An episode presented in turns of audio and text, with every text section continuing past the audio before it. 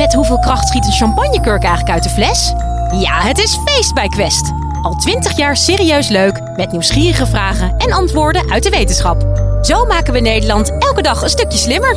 Nu in de winkel en op quest.nl. Het zal je als kunsthandelaar maar gebeuren. Na heel lang speuren vind je dan eindelijk dat ene topschilderij. En koop je het voor een heleboel geld. Maar dan blijkt het niet de originele versie te zijn, maar een kopie. Hoe herken je nou goede kunst? Kunsthistoricus Henk van Os van de Universiteit van Amsterdam legt het uit. Live vanuit Club Air is dit de Universiteit van Nederland. Wanneer het gaat over goed op slecht, dan hebben sommige van jullie, tenminste dat is mijn ervaring, het gevoel van het is allemaal in de oog van de beschouwer. Over smaken valt niet te twisten. Dat werk.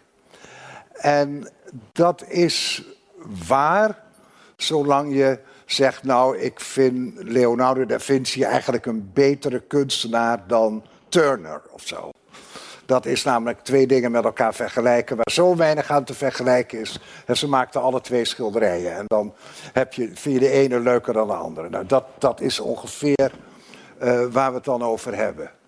Dus dat is eigenlijk geen interessante opmerking, behalve dat ik jou een beetje beter leer kennen. Maar die kunst, daar zegt het eigenlijk helemaal niks over. En dat is ook niet het kwaliteitsoordeel waar je in mijn vak het meeste mee te maken hebt. In mijn vak heb je te maken met kwaliteitsoordelen die eigenlijk altijd vergelijkend zijn. Je vergelijkt in je bol altijd iets met andere dingen die in dat hoofd zitten. En het rare is uh, dat je daarvoor iets moet hebben wat met een Duits woord Bildergehirn heet. ik had dat vroeger. Ik kon dingen heel goed uh, in mijn hoofd stampen. Of gewoon in mijn hoofd hebben. En een heleboel dingen niet, maar nou net visueel materiaal dus wel. En dat is handig. Heel in een flits moet je dan een heel groot klavier bespelen, als het ware. En dat kun je alleen door hele intense oefening uh, kun je dat trainen.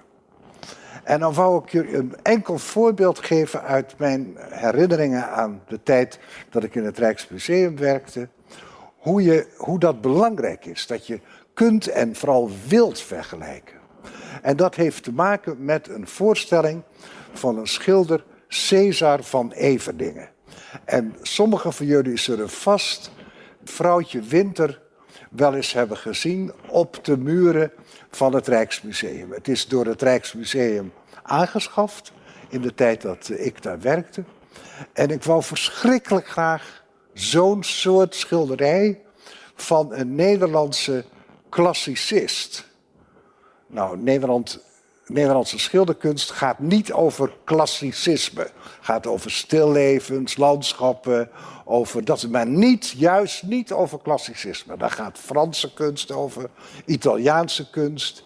Maar wij hebben in Nederland alle kunst die niet ons nationale gevoel bevredigt, omdat die voor ons speciaal uniek was, hebben we buiten haakjes gezet. En het leek mij heel belangrijk om van die schilders nou iets te verwerven. En eigenlijk eh, ongeveer het mooiste klassicistische schilderij. Ja, ik wou niet zo'n lullig mythologietje hebben of zo, weet je wel, waar niemand verder aan beleeft. Ik wou echt een image hebben waar je echt mee voor de dag kon komen. Waarvan het publiek zou zeggen: waarom wisten wij tot op de dag van vandaag niet wie Caesar van Everdingen was? Kijk, dan ben je lekker bezig. En ik dacht, die, dat schilderij heeft die potentie. Vrouwtje Winter. Het op twee na meest verkochte ansichtkaart van het Rijksmuseum. En dat is een vrouw die haar handen warmt aan een test met kooltjes vuur. En die zo heel stil en aandachtig daar in dat beeld aanwezig is. Dat schilderij dat deed zich voor op een veiling bij een klein veilinghuis in Nederland. En ik dacht, dat moeten we hebben. En in de catalogus, daar stond het van het veilinghuis. En het was maar een paar ton, wat niet veel is voor een goed 17e schilderij toen. En ik dacht, nou, dat is ook wel mooi. En dat kwam omdat erbij stond dat dit schilderij de tweede versie was van een ander schilderij wat zich bevond in de Art Gallery in Southampton, Engeland. En dat was gekocht daar op advies van Kenneth Clark. Nou, Kenneth Clark was een hero in de museale wereld van uh, een nog eerdere generatie dan de mijne. Dat hoort tot mijn leermeestersgeneratie. En Kenneth Clark die uh, adviseerde musea, wat ook een, in die tijd een lucratieve bezigheid was. En uh, die had gezegd, dit is de eerste versie, koop die maar. En dat had iedereen zo herhaald. Dus toen een familie uit Rotterdam hun vrouwtje Winter naar de, uh, naar de veiling bracht, toen dacht iedereen, ja, mwah, het zal wel die tweede versie zijn. Maar het was, het was veel te goed. En weet je waarom mensen dat niet wisten? Omdat niemand naar Southampton gaat om eens even naar dat schilderij daar te kijken. Uh, nou, dat moet je dus wel doen. Dus wij, wij naar Southampton toe. En wij kwamen in Southampton in die Art Gallery. is geen groot museum. Uh, dus je denkt, nou dat schilderij dat moet wel hangen als dat de eerste versie van onze prachtige Van Everdingen is. Dat moet wel hangen. En dat hing niet. Dat was in het depot. Uh, ik vroeg de curator, maar hoe kun je nou toch zo maf zijn om uh, jullie eerste versie van Vrouwtje Winter niet op te hangen? Ze zegt, eerste versie, hoe kom je daar nou bij? Ik zeg, nou, dat heeft Kenneth Clark jullie in de tijd geadviseerd. Ja, ze, uh, in het Engels, Kenneth Clark kan leuk lullen, maar dat is gewoon helemaal niet waar. De eerste versie is bij die privéverzameling in Rotterdam. Kijk, zo kun je goedkoop aan kunst komen. Want het is een afspraak dat tweede versies goedkoper zijn dan eerste versies. Dat, dat is een afspraak.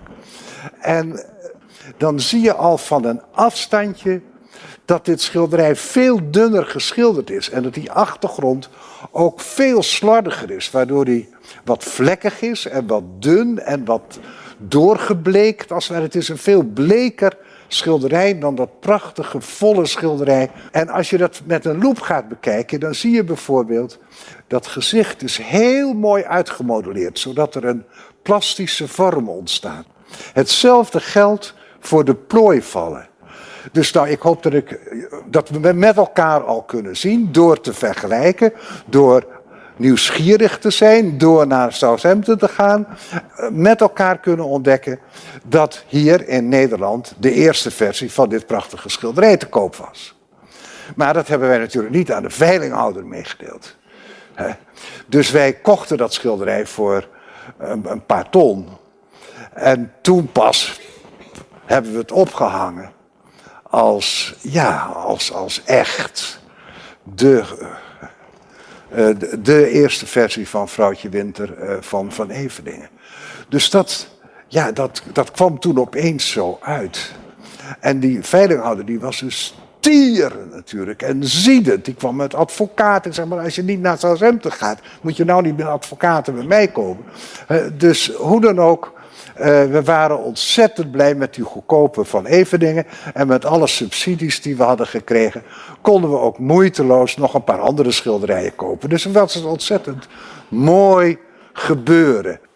Nou, heb je nou wel eens zelf, vroeg toen een student, heb je nu wel eens zelf mazzel gehad, zoals je voor het museum mazzel had?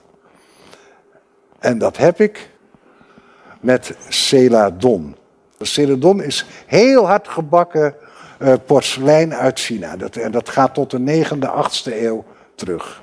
En ik heb altijd dit voor mezelf hebben. Het is veel te duur. En ik kwam een keer in een kunstbeurs in Breda. En er was een handelaar in koekplanken. En midden in die koekplankenzaak, daar stond een vitrine met celadon. En ik was stom verbaasd. Ik vroeg aan die handelaar, hoe is het met je? En zo, hoe, wat, hoe duur is dit? Nou, zegt hij, dit heb ik gewoon met een erfenis meegekocht van koekplanken en 750 uh, eh, gulden, dan hebben we het wel gehad. En ik liep over die beurs. Ik dacht, oh, dit is een gouden kans. Maar ik wist, dit kan ik niet maken. ik moet deze beurs openen als directeur van het Rijksmuseum. Dan ga ik een beetje frauderen. Dus ik wou u dit zeggen. Het enige moment dat ik werkelijk echt voor mezelf wat wou kopen. Toen kon het niet omdat ik zo'n ethisch kereltje ben. Dit was de Universiteit van Nederland. Wil je nou nog meer horen, bijvoorbeeld over de vraag waarom zoveel millennials kampen met een burn-out? Of hoe je een oogbal kunt bioprinten? Check de hele playlist.